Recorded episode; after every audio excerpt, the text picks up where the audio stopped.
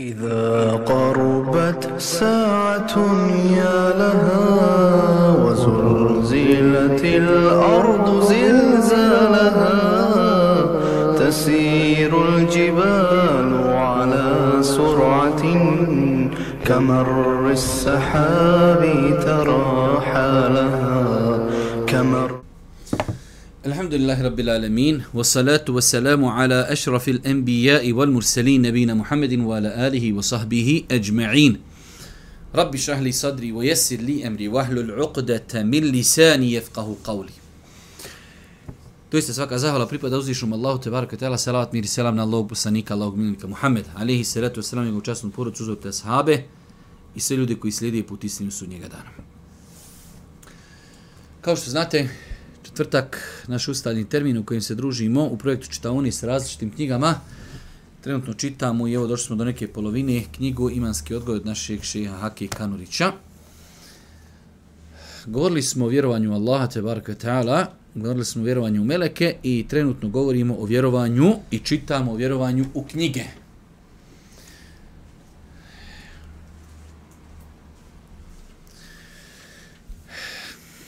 Autor nam je prošli put pojasnio otprilike ono što bi čovjek vjernik trebao da zna i da vjeruje kada je u pitanju ovaj temelj imana, to je vjerovanje u knjige. Nakon toga najavio je i počeo je govoriti o razlici između Božjih objava. I po meni, znači ova knjiga ima sad za sad, do sad ovo što smo prešli, dvije velike odlike, pa možda i tri, ali ima doista, znači, autor je pristupio na jedan izuzetno lijep način govoru o ateizmu, na jedan izuzetno način, lijep, razumljiv, bitan, potreban, kvalitetan, govorio je o vjerovanju u wa subhanahu lijepa imena i svojstva. I evo noćas treća stvar govori o komparaciji između znači starog i novog zavjeta. Ja lično, inšallah, možda ću i nazvat šeha da mu sugerišem, mislim da je ovdje trebalo uh, napraviti jedan uvod u kojem bi se pojasnilo e, e, autentičnost i originalnost Kur'ana. Jer to bukvalno je autor nakon samo u jednoj rečenici spomenuo, ali mislim, ako već pravimo komparaciju i spominjemo nedostatke e, koji su prisutni u prijašnjim nebeskim knjigama, onda je bitno pojasniti ljudima da, da takva stvar nije sa Kur'anom. I zato ćemo napraviti mi noćas jednu kraću, inša uvodnu riječ e, u kojoj ćemo malo govoriti o tom pitanju, jer je mnogo bitno. Na osnovu tog pitanja, kad budemo govorili o ove ostale stvari, vidjet ćete, pravit ćemo komparaciju, aha, Kur'an, a da vidimo kakvo je stanje u drugim e, nebeskim knjigama. Kao što znate, Božim poslaniku objava je stizala 23 godine, dolazila je nije dolazila po redu redoslijedu. Vi znate da je prva sura koja je objavljena Iqra bismi rabbike. To je znači sura u džuz amme, a prije nje je e, stotine, što bi rekao, desetine sura. S druge strane, isto tako Kur'an je objavljivan, čak i određene sure, velike sure, nisu objavljene odjednom. Pa je Boži poslanik, ovo je veoma bitno, kada bi mu došao određen ajet, to kaže, stavite ga u tu i tu suru na to i to mjesto pa je raspored ajeta u Kur'anu po, znači to Arapi kažu teufik, eh, te, teukifi, da je od Allaha te ta'ala. Znači raspored ajeta u Kur'anu je teukifi od Allaha te ta'ala. To je mnogo bitna stvar koju noćas trebamo zapamtiti. Allahu poslanik alaihi salatu selam u zadnjoj godini života naslutio je da će preseliti i kazao je Fatimi radijallahu ta'ala vjerodostojno hadisu kaže svake godine mi je Džibril dolazio jednom. Ove godine mi je kaže došao dva put da ispita me cijeli Kur'an. I to Arapi zovu el arda el ahira, posljednje preslušavanje. Da se time zaokruži šta je derogirano, šta, šta nije derogirano i da se uh, redoslijed ajeta sura da se uveži.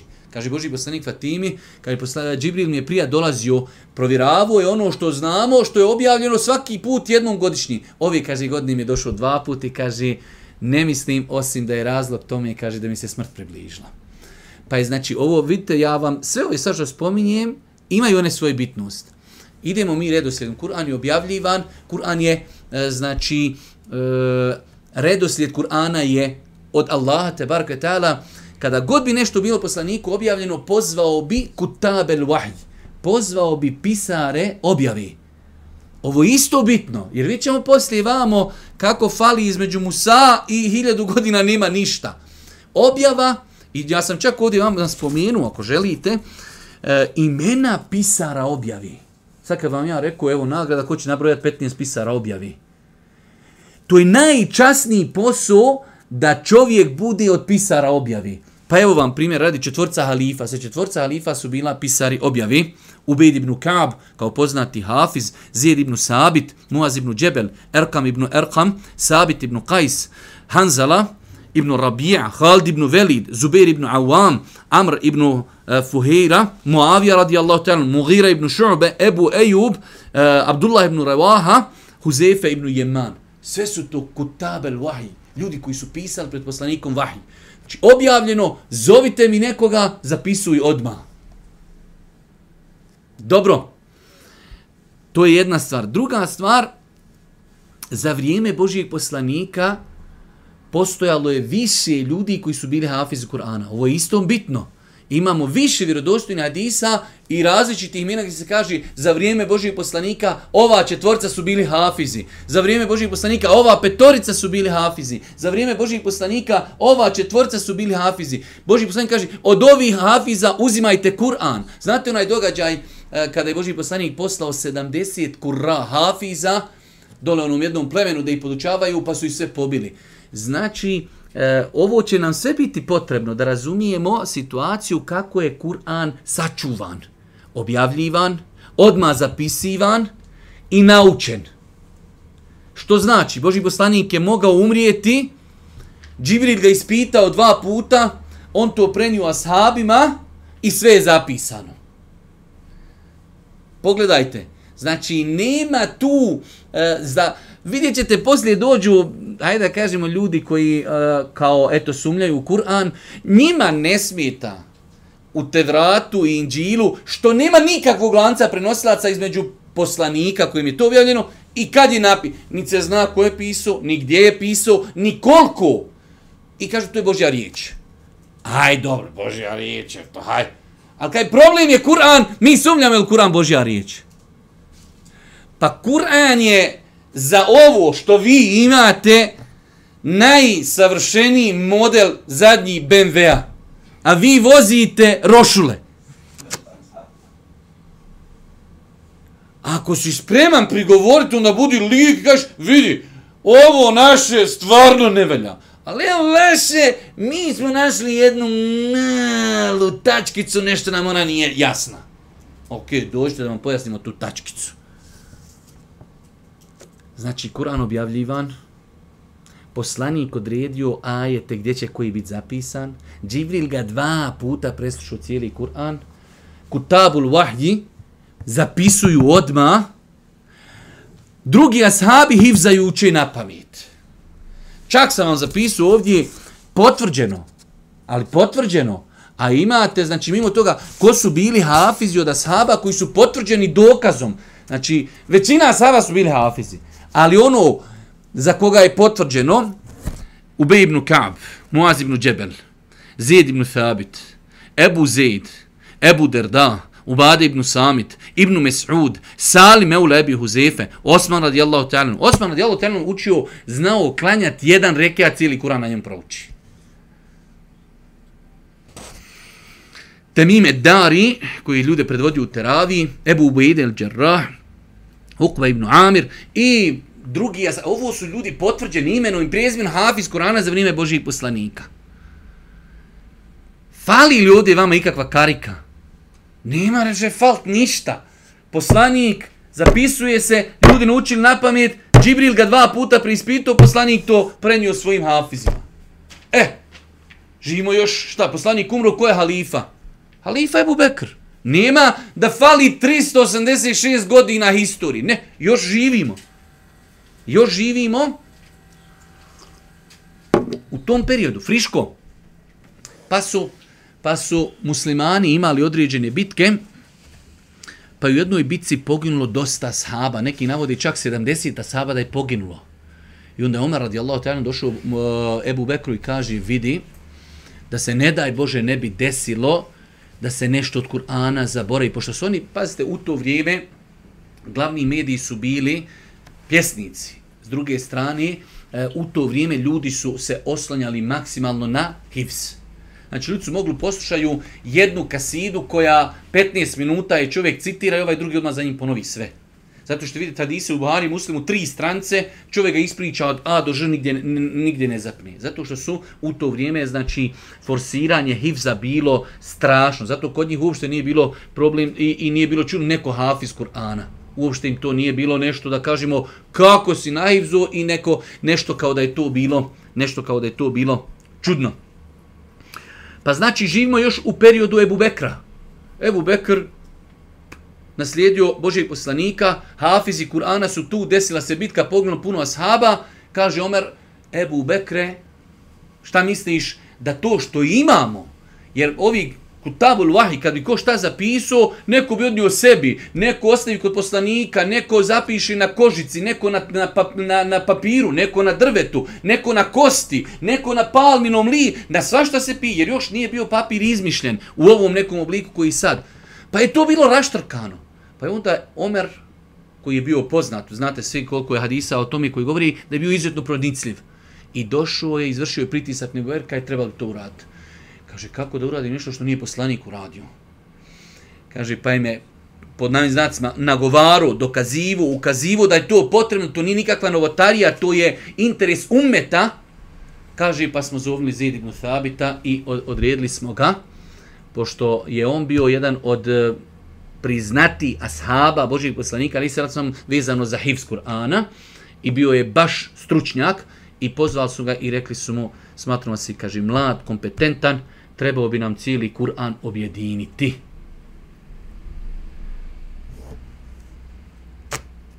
I onda je on uzeo, postavio je dva ili tri uvjeta da sve što pripiše Kur'anu, da mora naći napismeno, i moraju dvojica ljudi doći to posvjedočiti i moraju drugi ljudi doći čuti, reći e ovako kako je to napisano i mi smo tako čuli od poslanika. Pa je objedinio i hivz. Dođu ljudi i posvjedoči. Svaki ajet po ajet. Jesi ti taj ajet čuo na tom, na tom mjestu u suri? Jesam. Da vidim ima napisano. Ima. Taj broj. Jest. Zapisuj. Provjera hivzom i provjera napisano. I tako je završio cijeli Kur'an. Osim što je naveo da jedan ajet je našao, znači, samo kod jednog čovjeka. Ali našao ga u takvom obliku, drugi ljudi je bilo, rekli smo, Hafiza, imate, evo, mi smo naveli 15 imena, koji su svi potvrdili, da, to je taj tako, ali samo našao kod jednog čovjeka, znači, u toj verziji, tako zapisano. Pa je Kur'an objedinjen. Hafiz i dalje živi, Kur'an objedinjen i svi potvrdili da je to tačno. I zato se kaže da je Kur'an prenesen mutevatirom. Znate što znači mutevatir? Imate vam u hadijskoj znanosti mutevatir, znači imate hadijs koji prenosi jedan čovjek, dva čovjeka, tri čovjeka, imate mutevatir, predaja je predaja, racionalno gledajući, racionalno, nemoguće se toliki broj ljudi sakupi i dogovori na laži. Dođe ti, sad dozvol dođe od careve džamije, 50 ljudi, svi uzdol trči i kažu šta je, eno dole kaj je požar. Jedan, dva, tri, hajde, da se dogovorili se, pet, deset, trideset, osamdeset ljudi idi se kaže, eno dole gori auto. Ja, pa znaš šta, ja ne znam da li gori. Gori ti u mozgu čoveče. To se zove mutevatir. Kad ti dođe tolik broj ljudi da je nemoguće se dogodilo nešto slažu. Iako mi sad ovdje govorimo o Kur'anu, Posla, dolazi od Džibrila poslaniku, poslanik ga zapisuje preko e, pisara, ljudi ga hivzaju i u svemu u tom je u tolikom broju ljudi je to posvjedočilo mutevatir. I Kur'an gotov, zaštićen. Inna nahnu nezelne zikravo, inna lehu le hafidhun. Mi smo Kur'an objavili i mi ćemo bdjeti nad njime. Gotovo. Kur'an sačuvan. Zavr, ovdje možemo slobodno stati. Desilo je se nakon toga za vrijeme Osmana radijallahu ta'ala anhu, da muslimani kad su osvajali gore e, Azerbejdžan i te gore dijelove Armeniju, sreli su se muslimani iz različitih dijelova umeta tada. Znači, došli su jedni iz Šama, jedni došli iz Iraka, a svakako, Božijem poslaniku, znači, objavljen je Kur'an na različitim dijalektima. Jer pazite, ko što sad kod nas vidjeli ste lupa, malo karikiram, ali odeš u Ukrajinu, oni pričaju malo drugačije, imaju par riječi koje mi u Srednjoj Bosni ne koristimo, ljudi u Tuzli imaju, e Arapi mnogo malo imaju više toga, više dijalekata, više riječi, pa je Boži, Božijem poslaniku objavljen Kur'an na više dijalekata. I onda kad su došli sad ovi iz Iraka, naučili od Ashaba koji je došao njima prenio Kur'an po jednom dijalektu. Ovi drugi naučili, onda ovaj stane pred njih, ovi, ko što kod nas, kad stane čovjek ući po kirajetima, ovaj doli saviće, haj, greška, hođa, šta je to? Ne zna on da može od duhe i da može od duha. I onda kad on prvi put čuje veduhe, a on čitav život učio veduha, on ne zna više šta klanja, on sad čeka sam da završi preda selam i da hođu zavrat lapi. E tako su i ovi ashabi bili ljubomorni, zar more drugačije? I malo je falo da ne dođe i do fizičkih sukoba zbog toga. Ja naučio tako od svog hođe, on kaže naučio tako od poslanika. Ali mi naučili ovako, on kaže naučio od poslanika. Ko što se znalo desiti Božijem poslaniku da mu Omer radi Allah to doveo čovjeka, kaže Božji poslaniče ovaj uči jednu suru koju sam ja od tebe naučio iz tvojih usta. Drugačije uči, uči da čuje poslanik. Kaže Omere, i tako je objavio i ovako. A. Pa je onda Osman kaže, e, došao Osmanu, radijallahu u Ubej ibn Kab, kaže, Osmane, spašavaj ummet. Spašavaj ummet. Ovo će napraviti problem u umetu. Ljudi će se, ne daj Bože, iskrvavi, pobiće se zbog toga. Pa je onda Osman, ovo je mnogo bitno, jer neki ljudi maloumnici to smatraju kao grešku, a to je naj... Vidjeli ste šta smo rekli za Ebu Bekra? To je jedno od najboljih dijela koje je Ebu Bekr uradio za umet. Ovo nakon njega je najbolje dijelo koje je Osman uradio. Pa je Osman konsultovao muhađire i ensarije i ostali ashabe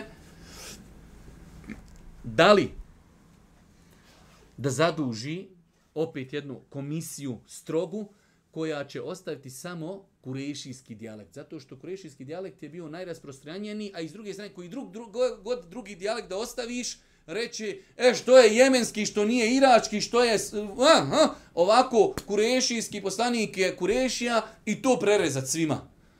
I svi su mu odobrili.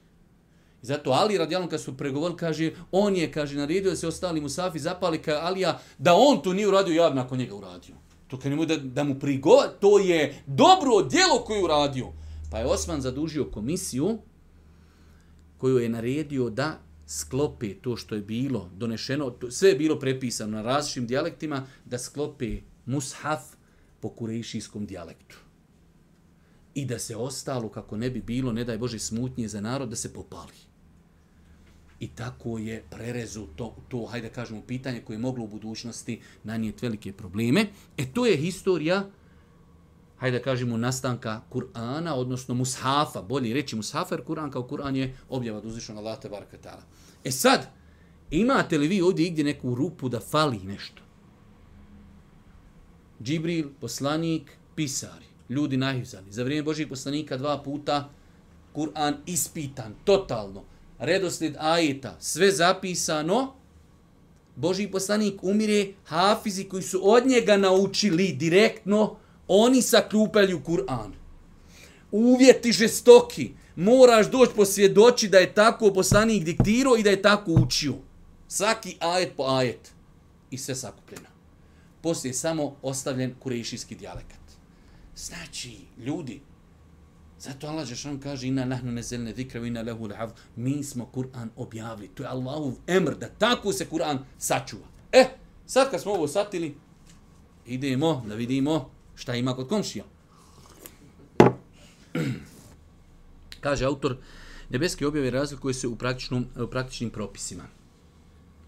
Znači, mi smo o tome prošli put govorili, nećemo se na tome mnogo zadržavati da bi imali ove bitnije stvari kad spomenuti.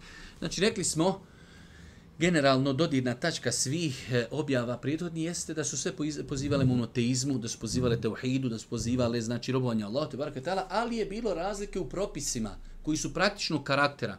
Pa nekom umetu bude neka vrsta mesa dozvoljena, nekima bude zabranjen, kao vid iskušenja. Aha, da vidimo, hoćete li se pokoriti ili nećete. Ovom umetu našim zabranjena svinja i tako dalje. Tako da e, postojale su razlike li kullin ja'alna minkum shir'atan wa minhaja. Svakom narodu i svakom umetu mi smo ostavili znači taj šerijat ovaj praktični, da je bio poseban za njih. I to ako Bog da nije uopšte ništa sporno, dok je došla zadnja objava, došao je Kur'an, derogirao sve i to je to. Kaži, već smo spomenuli da vjerovanje u ovaj temelj imana podrazumije vjerovanje u sve Božje objave. One koji su spomenuti u Koranu i druge koji su objavljeni poslanicima, njihova imena su nam nepoznata. Znači ovo je 121. strana, mi smo o tome govorili prošli put detaljno. Čak ima mišljenje da je svaki poslanik imao objavu. Znači, spomenuli smo prošli put uh, ajet iz sure El Beqara, koliko sjećam, uh, da je e, iz određenog ajeta su određeni mu fesiri shvatili da svaki poslanik ima knjigu. Ali, ko što imate Allah Žešan kad govori o poslanicima, kaže o nekima smo ti men kasasnahum alik, ima o nekima smo ti govorili, a ima onima kojima ti nismo govorili. Imate znači poslanika o kojima mi nikad ništa ne znamo. Bili, živjeli, umrli, mi o njima ne znamo ništa. E tako ima i knjiga koji su bile, objavljeni, mi o njima ne znamo ništa. Ono što znamo, Kur'an, Tevrat, Inđil, Zebur i Sufi Musa, ali i salatu salam, Sufi Ibrahimevo, Musa, Ibrahimovi i Musaovi. E, kaži, od Božih objava koje je spomenuto u Kur'anu jeste Tevrat i Inđil. A te dvije knjige predstavljaju osnovu jevrijskog, jevrijskog i kršćanskog svetog pisma. U nastavku slijedi detaljan osvrt na autentičnost i sadržaj ovih knjiga. I potvrda je Kur'an jedina, jedina Božja objava koja je danas autentično sačuvana. Mislim da se trebalo malo više pažnje posvetiti ovom zadnjem dijelu. Da, autor je doista na jedan fin, školski, kulturan način pojasnio iskrivljenost eh, ovih e, prirodnih knjiga, ali nije bukvalno posvećeno ništa pažnje Kur'anu, a po meni bi to trebalo, evo što smo mi sad ispričali, to bi samo trebalo u neki 5-6 stranica lijepo poredati i da to se doda još u knjigu, da znači neko ko čita, aha, ovo su prednosti Kur'ana, ovo su dokaze autentičnosti, a ovo su dokazi e, grešaka u drugim knjigama. E sad vidite, autor mora, tako, tako i mi vremenu živimo, moraš se, moraš se pravda. Vi sad, juče je bio napad na crku u Mostaru, svi se, svi se odriču. Za nas u RRS-u napravi kod Fate crkvu i stoji tako 20 godina, niko se ničeg ne odriče. Svi šute i svi hinjaci, dok ne dođe nakon 25 godina, nasilu nekako se to riješi napišeš nešto što svakako mi tome svakako da treba se odricat bilo znači da se čovjek odrekne bilo kakvog vrijeđanja bilo koga i uznemiravanja on što se tako ne odričemo kad se napadaju bošnjaci po RS-u i kad se e, na, e, onaj uznemiravaju muslimani i njihove svetinje Tako da kaže autor, dijelovi ove knjige koji govori o drugim ideologijama mimo islama nemaju za cilj povrijediti osjećaj pripadnika tih ideologa i nisu usmjereni protiv njih. Naprotiv, radi se samo o iznošenju ličnog stava i argumenta u nadi da će doprinijeti otkrivljenju istine. Znači, ovo neko može sva da je to neka provokacija, ali nije. To je čovjek to doista školski, lijepo, znači bez i truna netrepeljivosti. Stari zavit. Stari zavit je zbirka dijela različitih žanrova i različitih dužina, počevši od usmenih predanja, pisani preko de, devet stoljeća i na više jezika. Pisani devet stoljeća. La haule wa la kuvata illa billah. I pisani na različitim jezicima. Mnoga od ovih dijela bila su kompletirana i korigovana prema događajima i prema posebnim potrebama u epohama kad kad međusobno veoma udaljenim. Tevrat ili Tora riječ je hebrujskog porijekla, a znači vjerozakon. U jevrijskoj terminologiji Tevrat se odnosi na petoknjižje, koje sačinjavaju knjiga postanka, knjiga izlaska, levitski zakon, knjiga brojeva i ponovljeni zakon. Jevrijeji smatraju da je ova, da je ova pisma napisao Musa, alejhi salatu selam svojim rukom. Kršćani, pored to, pa ponekad Torom nazivaju sva poglavlja starog zavjeta. Znači, kad se kaže stari zavjet, misli se na Tevrat ili na Toru. U islamskoj terminologiji Tevrat je naziv za knjigu koju svevišnji Allah objavio Musavu. E, dobro. Ovo je zajedničko da imamo isti naziv i isto vjerovanje u pogledu Tevrat je objavljen Musavu alihi salatu wasalam. Stari zavjet, pored pet spomenutih knjiga obuhvata povijesni, e, povijesni, proročni, poetski i mudrosne knjige prema hebrejskoj verziji, pa imamo više verzija, prema hebrejskoj verziji koju prihvataju jevrijeji i protestanti stari zavjet pored petog knjižja sačinjavaju i još 34 poslanice. Pazite, prvo, poslije ćemo govoriti o autentičnom. Prvo daj da definišemo šta je. Jedni kažu samo je ovo, Drugi kažu treba dodati još poglavlje. Jedni kažu izbriši, dodaj. Pogledajte Kur'an. Australija, Amerika, Kina, Japan, Bosna, prije 300 godina, prije 800 godina, prije 700. Sad Kur'an počinje sa Alhamdulillah Rabbil Alamin, završava kola uzab Rabbi Nas, autentično sve u harfu u Kini, u Malizi, Indoneziji, u Bosni i tako dalje. Kaže, u grčkoj verziji starog zavjeta koju prihvataju katolici i ortodoksi nalazi se sedam poslanica viši. Samo imaju sedam dodataka, viši. Ali vi ćete poslika, svi kažu naša je originalna. To kod vas nije u redu. Dok samirijsku verziju starog zavjeta sačinjavaju samo pet musa ovih knjiga, a po nekima verzijama još dva, e, jedna ili dvije poslanice. E sad autor postavlja pravila igri. Pa kaže, da bi se neka knjiga smatrala svetom, nužno je potvrditi njeno božansko porijeklo. Dobro, kažem, ovo je knjiga od Boga. Sveta, dobro. Načelno se to potvrđuje na dva načina. Prvi je putem lanca prenosilaca koji doseže do Božijeg poslanika koji prenio prenio Božju objavu. Imamo dva načina.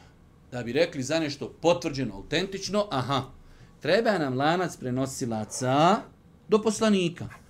Poslanik kaže, ja čuo od Džibrila, Džibril pripisuje to Allahu, poslanik taj neki prenio nekim ljudima, došlo do nas. Hoćemo da znamo ko je u lancu prenoslaca. Kaže autor, lanac mora biti sačinjen od pouzdanih poznatih i međusobno povezanih prenoslaca, kako bi se znalo da li su dostavili autentično prenijeli e, Božiju poruku bez izostavljanja dijelova teksta, dodavanja ili izuzimanja.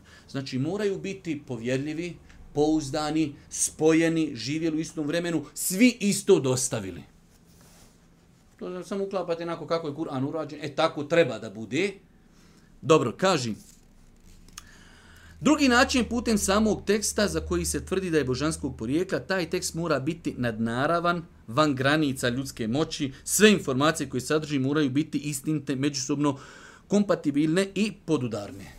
Dobro, imamo jedan način da kajemo za nešto da je božansko, imamo senet, lanac prenosilaca, drugo je da se to iz tog govora vidi, nema kontradiktornosti, nema nejasnoće, nema, nema, nema. E vidjet ćemo da li je to. Kaži, kada u pitanju stari zavjet ne postoji lanac prenoslaca, niz ličnosti koje ga prenose i ne može se naučno dokazati povezanosti knjiga s poslanicima koji, koji se pripisuju Tevratu. E, Tevrat koji je objavljen Musau ispisan na pločama i kao primjer kojeg napisao Juša ibn, Juša ibn Nun nakon Musa, izgubljeni su i ne postoji njihov originalni primjerak. Znači, Musa imao Tevrat, prepisao ga Juša ibn Nun, to nema, ne postoji. Dobro, kaže ovdje autor, lanac prenoslaca ne postoji. Nemamo originalni primjerak. Nastavljam. Ostale su samo predaje, priče i kazivanje u pogledu čijeg porijekla postoje brojne sumnje i nagađanja, a činjenica je da knjiga nije plod nadahnuća samim time što bi se pripisalo osobi koja ima inspiraciju na nadahnuće. Znači, nemamo mogućnost utvrditi autentičnost knjige. Pisana, i što se čuli malo prije, trajalo je pisanje knjige hiljadu godina. Evo ovo zadnje što je se pisalo hiljadu godina, Ko je to dostavio do tog autora? Kroz hiljadu godina, znam, vidite, mi imamo lanac prenoslaca koji nekad pet ili šest prenoslaca ima do Buharije, u njemu ima sedam, osam ljudi. Nekad tri, nekad četiri, nekad pet, nekad šest i tako dalje. Šta mislite, a, a Buharija već u drugom stoljeću živi, šta mislite kroz hiljadu godina koliki bi lanac prenoslaca bio? Minimalno bi bilo jedno 40 do 50 ljudi. I moraš za svakog znat ko je i šta i kako je. Gdje su i šta je zapisivano, evo zato kaže autor, kaže, ostale su predaje, priče, kazivanja. Eto, to je, to je to. Kaže, što se tiče sadržaja Starog Zavjeta, u njegovim različitim verzijama, pored razlike u broju knjiga i poglavlja. Prvo to je, mi smo toliko preskočili ko evo, hajde, to, to je bitna činjenica. Čovjek donese, kaže, evo ovo je Tevrat, drugi donese dva puta deljka, ovo je Tevrat. Pa de, to vi, to ste vi, de vi rešite šta je te vrat. Ovo šta ćemo sa u pola što ima viška. Kao ovaj, to je autentično. Kaže on, kao ne, ne, to nije autentično. Pa da nam se vi dogovorite šta ćemo sa tim? Sa viškom. Kaže, pored razlike u broju knjiga i poglavlja koji ga sačinjavaju, postoje brojne razlike u tekstu istih poglavlja različitih verzija. Između samirijske i grčke verzije. U pet knjiga Musaovi postoji više, vidite ovo sad. Kaže, između samirijske i grčke verzije, samo onaj temelj, pet knjiga, to je znači samo pet, ne govorimo o ovim ostalim dodacima, u pet knjiga Musaovi postoji više od 4000 razlika, a između samirijske i hebrejske verzije u tih pet pogleda postoji više od 6000 razlika. I onda dođe i kaže, e, u vas nije mu tevater predajma sve preneseno. 4000 razlika između dvije verzije, ove dvije verzije 6000. A ljudi, Allah mi mi uopšte ovo nije sad da mi nekoga nešto vrije, ali de otvori samo oči, nemoj si ne dozvoli da, da, da sad ne vidiš toliko krupne stvari. Nemaš originalnu knjigu, nemaš originalnu verziju i još kažeš, makar kažeš vidi, nije ni naše, ali nije ni vaše. Ne, naše, kaže, jes, naše je Božja riječ, ali vaše nije. Mi se ne želimo ovo vaše, naše. Mi govorimo samo kroz nauku. Mi samo kroz njemu kroz steze. I ovo što sam ja večeras vam spomenuo, sve naučno zabilježeno i sve naučno dokaz. Nema znači, nema riječi koji sam ja rekao koja se ne, naučno potvrđeno. Ovo je isto naučno potvrđeno. 4000 grešaka. 4000 kontradiktornih podataka. Što su velike razlike između različitih verzija jedne te iste knjige. Iako, evo, iako svaka skupina tvrdi da je njihova knjiga autentična, a da su ostale apokrifne, svi skupa nemoćni su jasnim argumentima dokazati svoje tvrdnje. A to je opet dokaz da su potonje generacije preuzele spise u kojima se autentična Božja riječ već zagubila. Nema tu ljudi autentičnosti. Toliko razlik, razlika prvo u, u znači obimu knjige, a evo, hajde da se koncentrimo samo na ovih pet musaovi, između dvije verzije razlika 4000 različitosti. Autor kaže, pored spomenutog, na, tako ukazuju, na to ukazuju znača, e, značenja, informacije i poruke u tekstu starog zavjeta. S obzirom na to da u njemu nalazimo znanstveno neprihvatljive, eh, ovo, nalazimo u njemu znanstveno neprihvatljive tvrdnje, kontradiktornosti, nedolične op opisivanje Boga i njegovih poslanika i slične sadržaje koji ne bi smjeli naći u svetim pismu. Ovo su sad, autor će ovome govoriti malo opširnije, imamo prvo stvari koje su naučno neprihvatljive. Vi pogledajte danas, skoro svaki dan ćete naći u svijetu da ne, nauka potvrdi nešto iz Kur'ana. Još nema i neće nikad ni biti da nauka kaže, e nauka sad potvrdila da ovo u nije tačno. Nema. To ne postoji. Mek nauka samo dokazuje i potvrđuje istinitost Kur'ana. E sad, jedna od stvari koja ukazuje na e, neautentičnost prijethodnje objave jeste da u njima nalazite stvari koje su sad postale toliko jednostavne, da ali su one e, prisutne u tim knjigama. S naučnom, govorimo samo o nauci. Imamo druge stvari, kontradiktornosti. Suprotno, u jednoj piše 4000, u jednoj 2500. Kontradiktorno. Imamo opisivanje Boga i poslanika na način kao ovo su samo, vidite, velika poglavlja, pod svakim poglavljom ima bruku dokaza. Ovo su samo veliki naslovi, nećemo mi se puno zadržavati kod toga.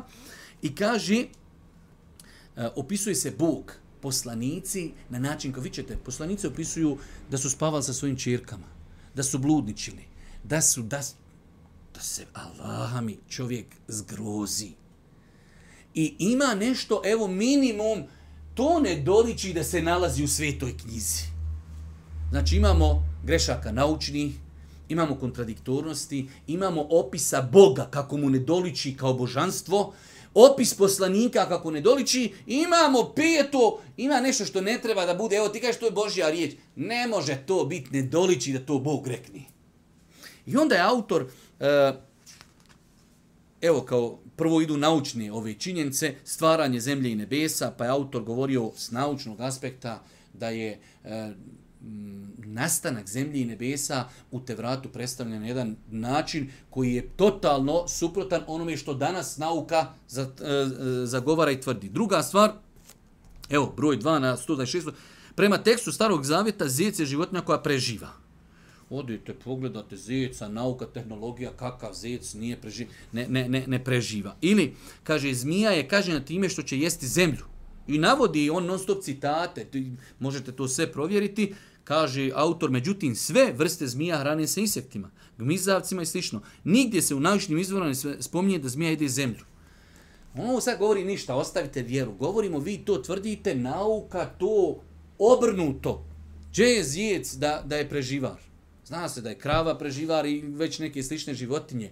Ili zmija, tvrdite da jede zemlju. Kažnjena je tako što je zemlju. Nauka vidi da ne, nigdje nema. Postaviš kameru i pratiš zmiju 30 godina, nikad u životu nije lizla zemlji. Stari zavet prikazuje zemlju u skladu sa tada dominantnim mišljenjem da je zemlja a, ploča na stubovima. Znači, kako je to pisano, tada je zastupljena bila ta teorija i tako su i, i nastavljene priče. Dobro, e, ovo su samo bile greške koje su u koliziji u starom zavjetu sa naukom. Sadašnjom naukom. Nakon toga kontradiktornosti i pogreške.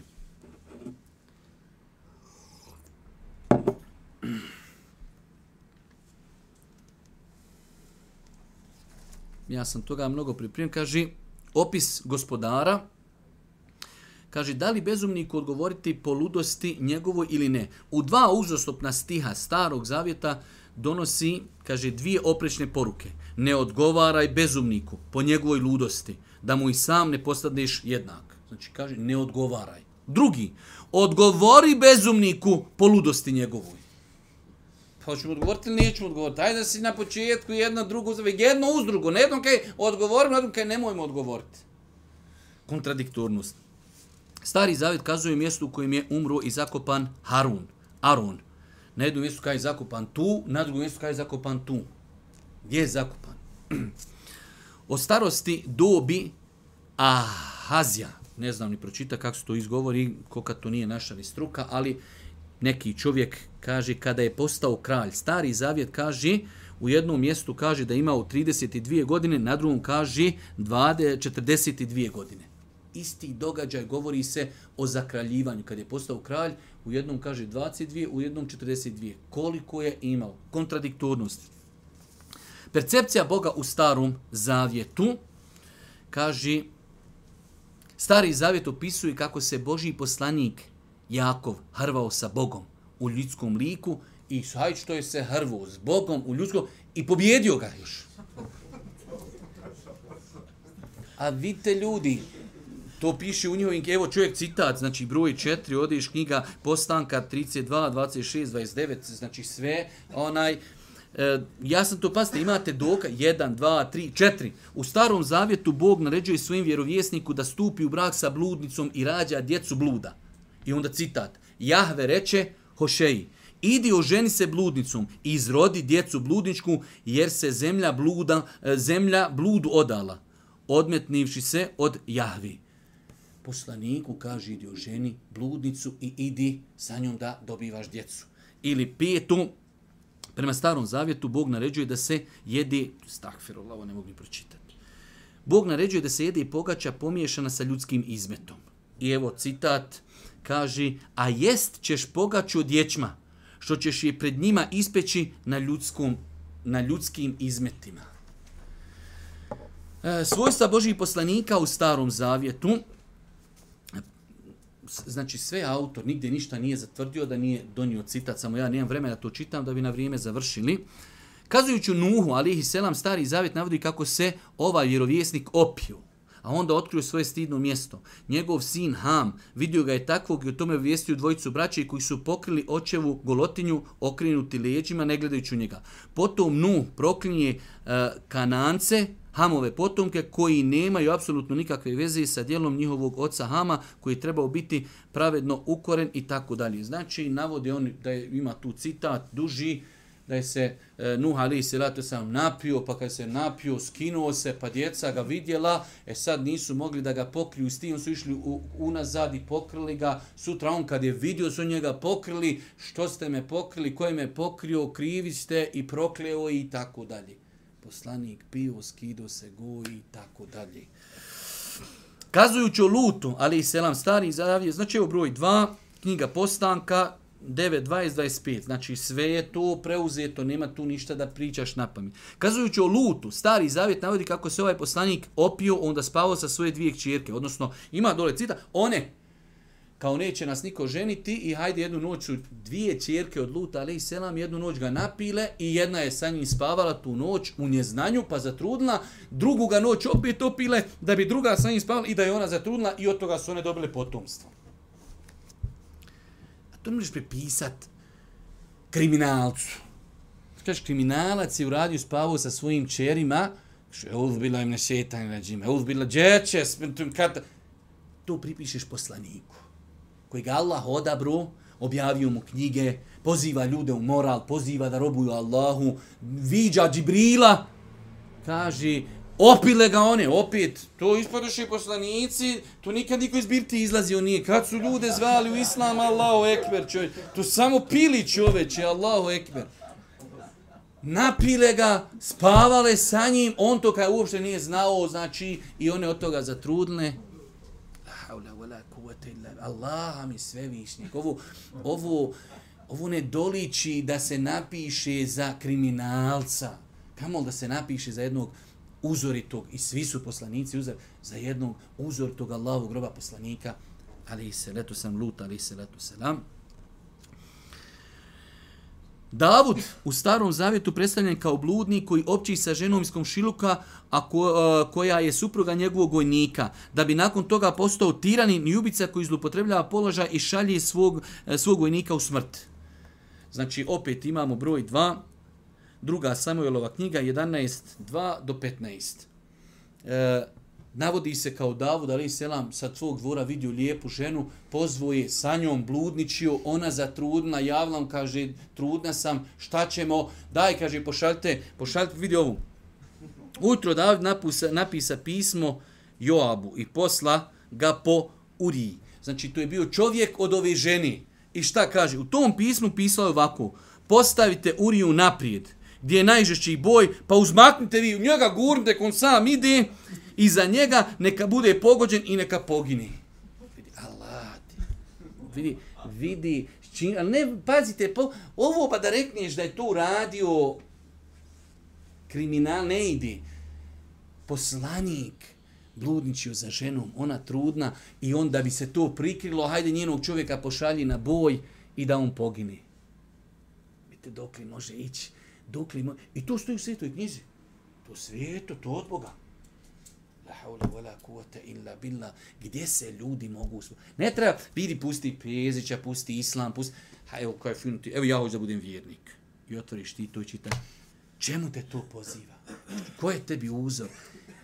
Daš ti u to poslanika privati, on ti kaže sutra, trebaš, pa što ja znam, ovaj, to be jarab, mislim, ono, taj čovjek hoće slagat, hoće kurva se, ja njem da ja vjerujem njemu, on sutra kad treba klanja, a daj, bila, ti lažeš, ti si petljanac. Kakvim, u kakvom se svjetlu prikazuju likovi poslanika koji su ljudima dostavljali objavu. Zato, alhamdulillah, kad mi za svakog poslanika kajmo alihi salatu wasalam, na svakog salavate donosimo, kad javno kažemo bošnjacima, ne smijete obsovati Isusa, to ti izvodi izvjeri. Mora široti u sve poslanike i da su bili moralni i česti i čedni i dostavili onako kako im je Allah naredio. Hvala Allah pa nas je počastio takvom uputom, takvim islamom, takvim vjerovanjem. Da samo o poslanicima govorimo hajr i o njima se samo može govoriti hajr jer nisu imali zla. Pogledajte ovi stvari. Allah mi, da to nije u knjizi, čovjek bi rekao, ne, daj, ma nemoj, Allah, ti, da neka vidi, ovo ima u, u starom, zato ja bih rekao, vjerujte, da ovo nema, sad dole fuzne, bih rekao, nije, nema kuće, laž, nema, gdje će ljudi to biti? Čovjek spavu sa svojim čirkama. Pa ne mogu, ljudi, nemojte, Allah, morate nešto otići, ono, 1%, 380%. Sulejman. Sulejmana stari zavet prikazuju liku nezasitog muža sa nevjerojatnih hiljadu žena, a još gore toga jeste što, što mu se pripisuje da je štovao druge bogove pored Allaha i činio mu širku. Sulejman alaihissalam. I tako dalje. Znači, ovo su bili samo neki načini dokazivanja da te stvari nisu od Boga ljudi. Kontradiktornost, opisivanje Allaha, opisivanje poslanika, to ko ne može shvatiti da to nije Božja riječ. Ne, ko smo prošli put rekli, kaže, Kur'an je knjiga koja ima toliko naučnih činjenica. Poslanik živi u to vrijeme u najzabačenijem dijelu planeti. I on kaže, pa vidi, pa postoji mogućnost da je on to mogu on napisati Mohamed a.s. Dobro, što nije još nekom i Mohameda takvu knjigu napisao? Što je, evo sad ne napiše. Evo imamo tehnologiju. Što je sad neko ne napiše. U to vrijeme, pa Arapi u to vrijeme, rekli smo, znači to je bio pojam s aspekta napretka, ne civilizacije. Znači to je, S jedne strane Perzija, s jedne bila Vizantija, to ovi bili nako u, između, nižu, ko kod stoni tenis, niko na njih obraćao pažnju nije. Ti kažeš, mogu napisat Muhammed knjigu koja govori o kosmosu, o nastanku zemlje. A vi Allah ga učinio da nije znao pisat. Nikad čito nije ništa. Da je govorio o prirodnim poslanicima. Da govori o stvarima iz budućnosti, iz prošlosti, o kosmosu, o suncu, o svemiru, o planinama, o rijekama, o morima. La haule wa la kuvata. E, ma, I mago je. Pa aj kaj mogu, evo, evo, ako je on mogu tada, haj ti sad, nakon 21 sto, evo sad imaš tehnologiju, imaš internet, da bi se skupili i ljudi i džini. Vole u kene balduhum li zahira. I jedni drugi pomagali. Ne mogu. Ali, e ovdje dolazi taj ego, I zato smo rekli da je jedan od najvećih razloga kufra i nevjersa šta? Oholost. Ti kažeš čovjeku, nije mogu, još još mogu je napisati. Šta je to? Ma oholost, Roki, nemoj zezat. Nije mogu napisat. Osim da mu je to gospodar objavio. Ako je mogu što ti danas ne napišeš. I ovo, kad predoćiš ovakve stvari čovjeku, ako ima u tebi imalo 0,001% iskreno da prijavtiš, ti što ovo ljudi ne može biti Božja riječ. Nemoj da se lažimo evo neće biti muslima, neće vjerovat ni u vaše, ali nije ovo Božja riječ, ba nemoj da se ljudi lažimo, ne more, ne more ovo biti Božja riječ. Šta je ovo? Kad si iskren, kad si objektivan. Ko onaj gore holandžanin? Ali kužo da piše knjigu da, da nađe grešku islamu. Kad vidio da nema greške, kaj pa ljudi nema druge, osim da primim islam. Pa tako i treba. Ne mere drugačiji.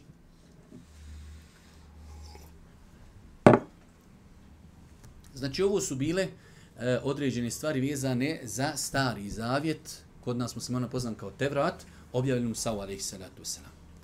Mi vjerujemo da je Tevrat objavljen i vjerujemo da on imao svoju originalnu, originalnu verziju, ali ta verzija ne postoji. Ljudi su vremenom dodavali, brisali. Ima određene stvari, e, citirao je autor na jednom mjestu, čak određene stvari koje Allah kada čitaš, kada čitaš Kur'an. Znači, ima tu ostataka objavi, apsolutno, to, to je, samo je problem, šta je u svemu tome dodato, šta je oduzeto? Ali hvala Allahu, nemamo mi sa tim nikakav problem, ono što potvrđuje Islam, to je istina, ono što negira Islam je neistina i završena stvar. A s druge strane, Kur'an je posljednja objava, sve je derogirano, ali mi govorimo o naučnim činjenicama. Novi zavjet. Novi zavjet sačinjavaju četiri evanđelja i njima prije pridodane 23 poslance. Riječ evanđelje grčkog je porijekla i znači radosna vijest. Svih 27 poslanica Novog Zaveta pripisuju se osmorici autora. Mateju, Marku, Luki, Ivanu, Pavlu, Petru, Jakovu i Juditu. Kaže, kršćani vjeruju da su ovi autor dok su pisali svoje poslance bili nadahnuti od Boga putem duha svetog i zbog toga ove knjige smatraju svetim. E vidite sad ovo. On su opet pisali posle poslanika. E sad da bi to malo premostili, upašimo jedan veći problem. Pisao je to neko nakon poslanika, ali nadahnut od Boga. Dobro, šta je to sad je nadahnut? Ili poslanik ili nije poslanik? Iako, evo ovdje autor nam kaže, niko osim jednog Pavle nije to tvrdio da je nadahnut od Boga. pisao čovjek nakon to, u, u jednom žargonu kazano kao da je pisao historiju, pisao ono što je znao, pisao ono što je čuo, nema to nikakve veze sa nadahnućem od Boga. Ali, da bi skratili sebi znači e, istraživanje, kažeš, oni su to napisali, bili su nadahnuti od Boga i mirna Bosna. Dobro, kaži, Vjerovati da je neka knjiga rezultat Božjeg nadahnuća opravdano je ako se ta tvrdnja može potkrijepiti zdravim argumentima. Sveta knjiga, pisana po Božjim nadahnuću, morala bi odisati svetošću, zračiti, zračiti božanskim sjajom, biti daleko od grešaka i međusobne isključivosti. Međutim, ove knjige objavljene su e, obavijene su mnoštvom nejasnoća, a mnoga pitanja u vezi s njima traži odgovor. Šta znamo o autorima ovih poslanica? Vidite, kod nas lanac prenoslaca imate termin koji se zove u, u arapskom jeziku, u hadijskoj znanosti, međhul. Kaže, lupam, tamo lanac prenosilaca, ovaj prenosi od ovoga, ovaj od ovoga. Znamo kaj četvorcu, svi su bili ekstra. Ovaj međhul, ne znamo ga. Hadis kaže da if. Možda čovjek bio najveći pobožnjak u to vrijeme u tom gradu. Kaže Međhul, ne znam o njemu ništa. Da i hadis. Osim ako imaju neke druge metode, kako ćemo mi taj hadis proglasiti validnim ili ne, ali ako imamo samo taj lanac, imamo jednog lika u lancu prenosilaca, ne znam o njemu biografiju. Daif. E sad ovo su ljudi, autori toga. Dobro, šta mi o tim nadahnutim autorima znamo? njihova biografija, povjerljivi, nepovjerljivi. Kod nas imate u hadijskim, znači, nauci. Hadijska nauka je, vjerujte, informatika je za hadijsku nauku, znate šta je informatika za njih? Vrtić. Informatika za hadijsku nauku je vrtić. U smislu, hadijska nauka je fakultet, magistrat i doktorat, a informatika je još u vrtiću. Sa ono, ko što mi prija, kad kreneš u školu, odeš u šumu i nareziš sebi deset onih klipića i svežeš i sa lastikicom, ona što, što onaj se stavlja na, na paradajz i poneseš u, u, u onaj, kako se zove, deset onih štapića i sa njima računaš. E, to vam je znači računanje, računanje e, naspram fakulteta, računanje u vrtiću. Hadijska nauka, da vi, da tu čovjek može sam do, do ljudima do, dočarat. kakve knjige, koliko precizne knjige o ljudima. Dobar, kaže, pobožan, sve, ali, kaže, slabo malo bio hivs. Već mahana. Knjige samo ka imena, knjiga koja tretira ravije sa istim imenima. Ti kažeš, prenosi o Hasod Muje. Aha, ko je Hasod Muje? Imamo takvi 50, Hasod Muje. Moraš svako znat koji je taj Hasod, koga prenosi, da ga možemo analizirati, je li vjerodostan ili nije knjige sa prenosijacima čija su nadimci isti. Kad je ko živio, Jel se uspio s ovim vidjeti, jesu li se sreli, je li čuo od njega, sve mora biti potvrđeno. Imam Buharija, zašto njegov sahih vjerodostojniji od muslimovog? Muslimov sahih je 10, a Buharija je 10 plus kod muslima je bilo dovoljno da postoji teoretska šansa da se ljudi mogli vidjeti. Znači, kaže, ovaj prenosi od ovoga. I kaže, ovaj je rođen 80. umro 150. Ova je rođen 120. Dobro, 120. 150. kao umro mogli su se naći. Znači, postoji dodirna tačka vremenska. Rođen 80. umro 150. I od njega prenosi neki haso. Taj haso rođen 120. Ovaj umro 150. Pa imalo 30 godina se vidi. Dobro, tu i muslim staji.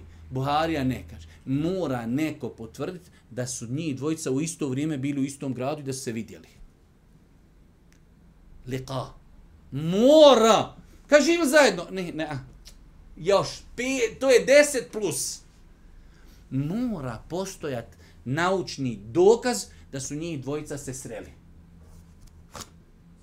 Šta vam je ljudi? Pa šta vam je? Znači, hadis prenese čovjek i doda jednu riječ. I oko toga ljudi sjedi mjesecima, putuju, hodaju, samo tu riječ. Hadis kao je kompletan hadis je u redu. Ova jedna riječ da vidimo je li vjerodostojan ili nije. Ovi deset prenose hadis bez te riječi, ova jedanijesti dodao ovu jednu riječ.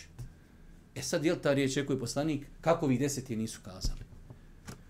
I to su teme, to su To su knjige, to je nauka, to je informatika, zato sam rekao, informatika je obdanište za hadijsku nauku. I onda sad dođe, dođu, znači, e, evo mi imamo e, ovih, koliko su rekli, u smrcu autora, dajte nam njihove biografije. Ko, šta, kako, povjerenje, ništa. Dobro. Kaže, šta znamo o autorima ovih poslanica? Gdje i kada su napisane? Kako znamo da se radi o Božijim nadahnuću? Na kojem su jeziku prvobitno napisan? Pazite, ne znaš na kojem su jeziku napisan. Ne znaš šta je original. Koji je jezik bio tada da ti možeš tvrti kaži, ne, ne, ovo je bio grčki ili hebrejski ili, ili, ili. Toliko ljudi nepoznanica. Znate koliko se grešaka? Evo ja sam čovjek koji malo radi sa tim stvarima prevođenje knjiga. Vi kada neku knjigu prevodite s jednog jezika na jedan jezik, uključu, uključu, uključujte tim ljudi, deset ljudi, jednu knjigu radi. I opet uzmeš tu knjigu i kažeš, evo ovdje je greška. Tim ljudi radi. I svi stručni. I sad tamo ima neko, kaže, bila neka originalna knjiga, prevedena je sad sa grčkog na hebrejski ko je prevodioc, komu je pomagu, ko je bio recenzent. Ne postoji ljudi, ne postoji. Ja, evo sam, ja sam trun iz struke, najvećim prevodiocima, najvećim stručnjacima. Znate kakve se greške potkradaju? Ufatiš se zaglavke, jel mogu? A moguće. Za, zašto? Zato što je insan. Zato što nije melek. Jednostavno, nemoguće. Ja sam radio recenzije možda najvećim prevodiocima današnjim vremenu. Če uzmeš jednu čitu, knjigu, uživaš u čitanju. I onda naletiš na grešku da se ufatiš za glavu. Ali to je normalno. I opet čovjeku ja dadim, kaj, evo ja sam pregledao i ono kaže, pa še jesi, Allah ti si čito. Reku, na glavu se natakio čito, čovječe, slovo poslovo. Vidio, e, uzu, vidjela, reko, briši jarane, požur dok nije izišla u štampariji tim stručnih ljudi radi na komparaciji, lektor, korektor, i opet oštampaš knjigu, Allah mi, greška, dijete iz prešlovske greške, šta ste oštampali?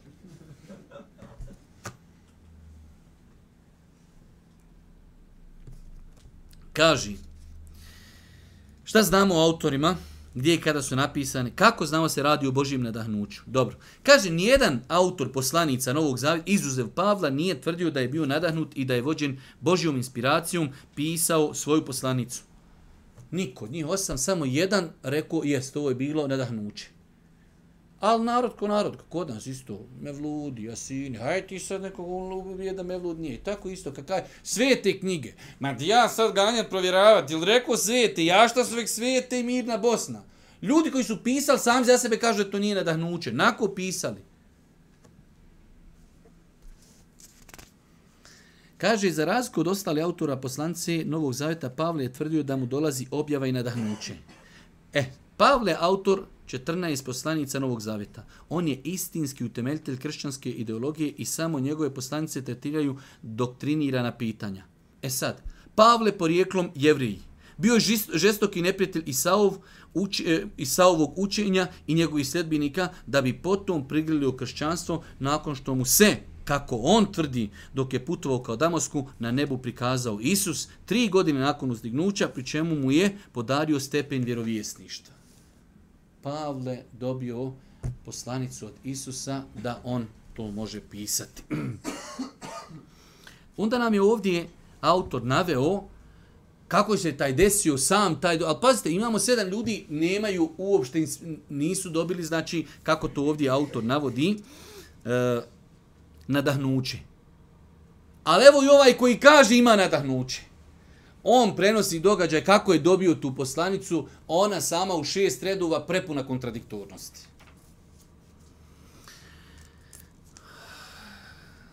Dobro, nakon toga autor nam e, kaže pogrešne konstatacije, nedoličan govor i neispunjena obećanja. Znači opet nešto slično, iako je e, znači o, o starom zavetu govorio malo detaljnije, ali otprilike znači ista je stvar u sadržaju tih knjiga ima nešto što je kontradiktorno, nešto što ne doliči Bogu, nešto što je neispravno, nešto što krši razum i tako dalje. Kaže, prvo nedopustivo je Bogu, gospodaru svjetova, pripisati neznanje, ludost, slabost i slične negativnosti. Međutim, Novi Zavjet to pripisuje Bogu. Pa kaže se jedna od ovih izjava, jer ludo Božije mudrije je od ljudi i slabo Božije jače od ljudi. Ludo Božije, kad nešto kao tobe jarabi, Bog rekne ili objavi, i to kad, ako on objavi nešto ludo, to je opet bolje nego naše, koje mi kao ljudi možemo reći. Češ, če ćeš Bogu reći, Bog ludo nešto objavi.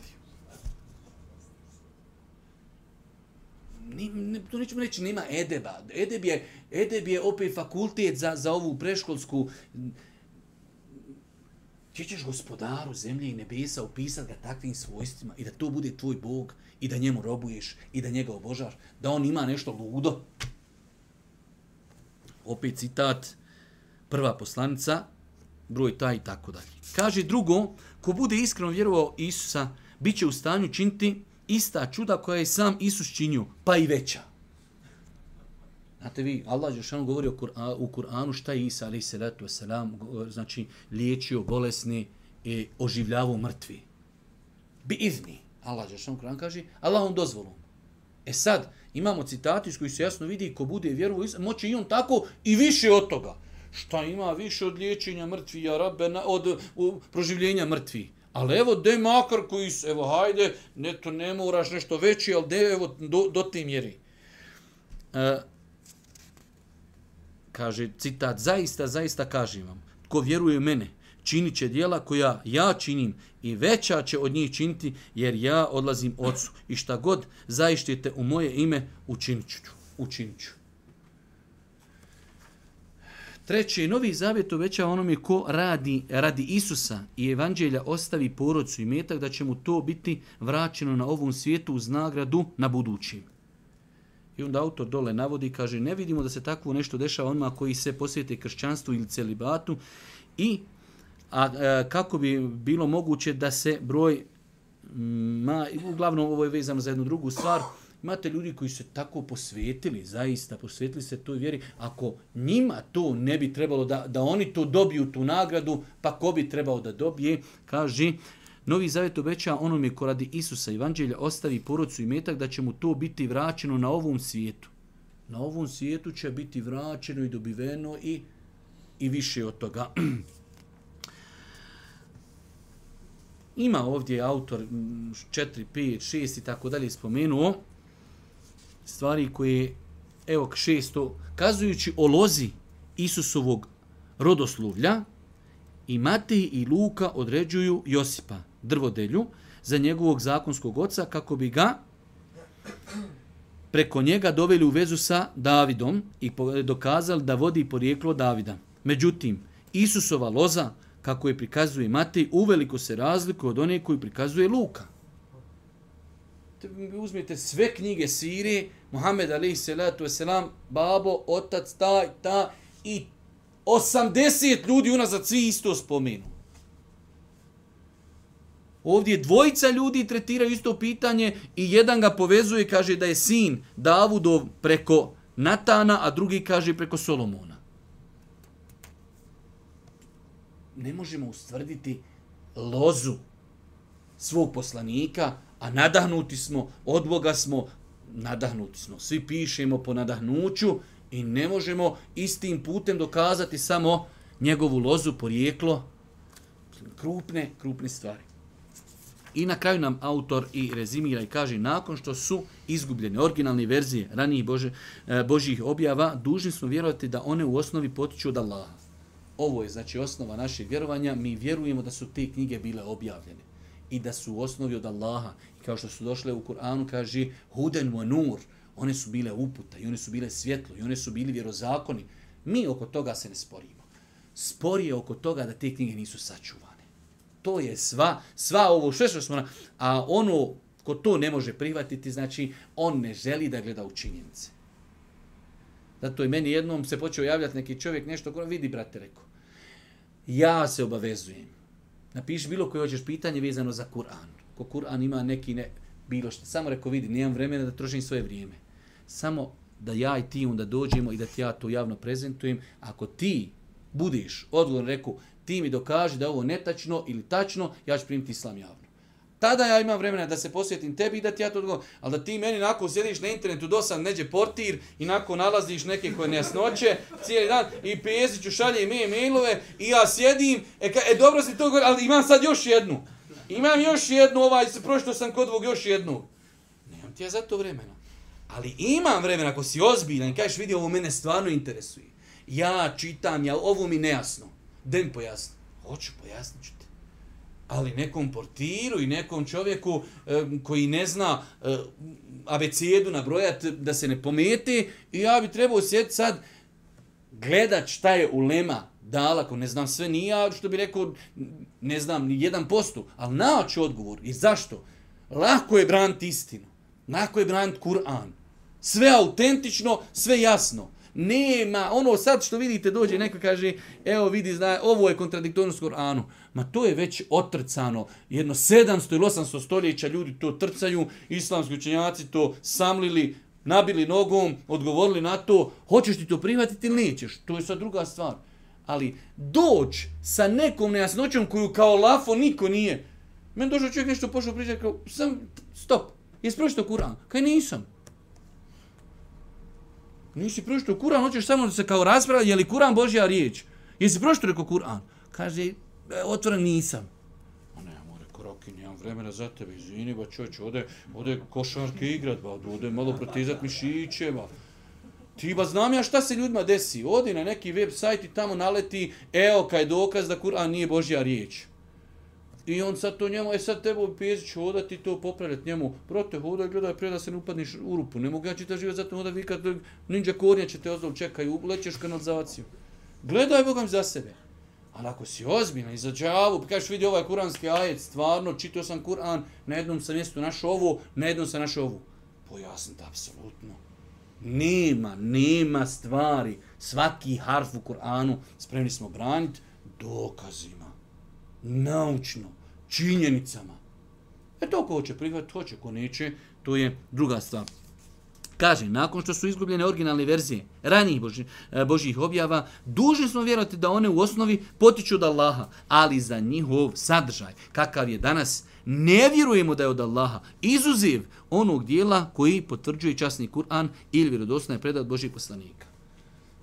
I vidite, imate, zaista čovjek mora biti objektivan i pravedan. Ti uzmeš određenu stvar, čitaš, jednostavno ti vidiš da je to božansko.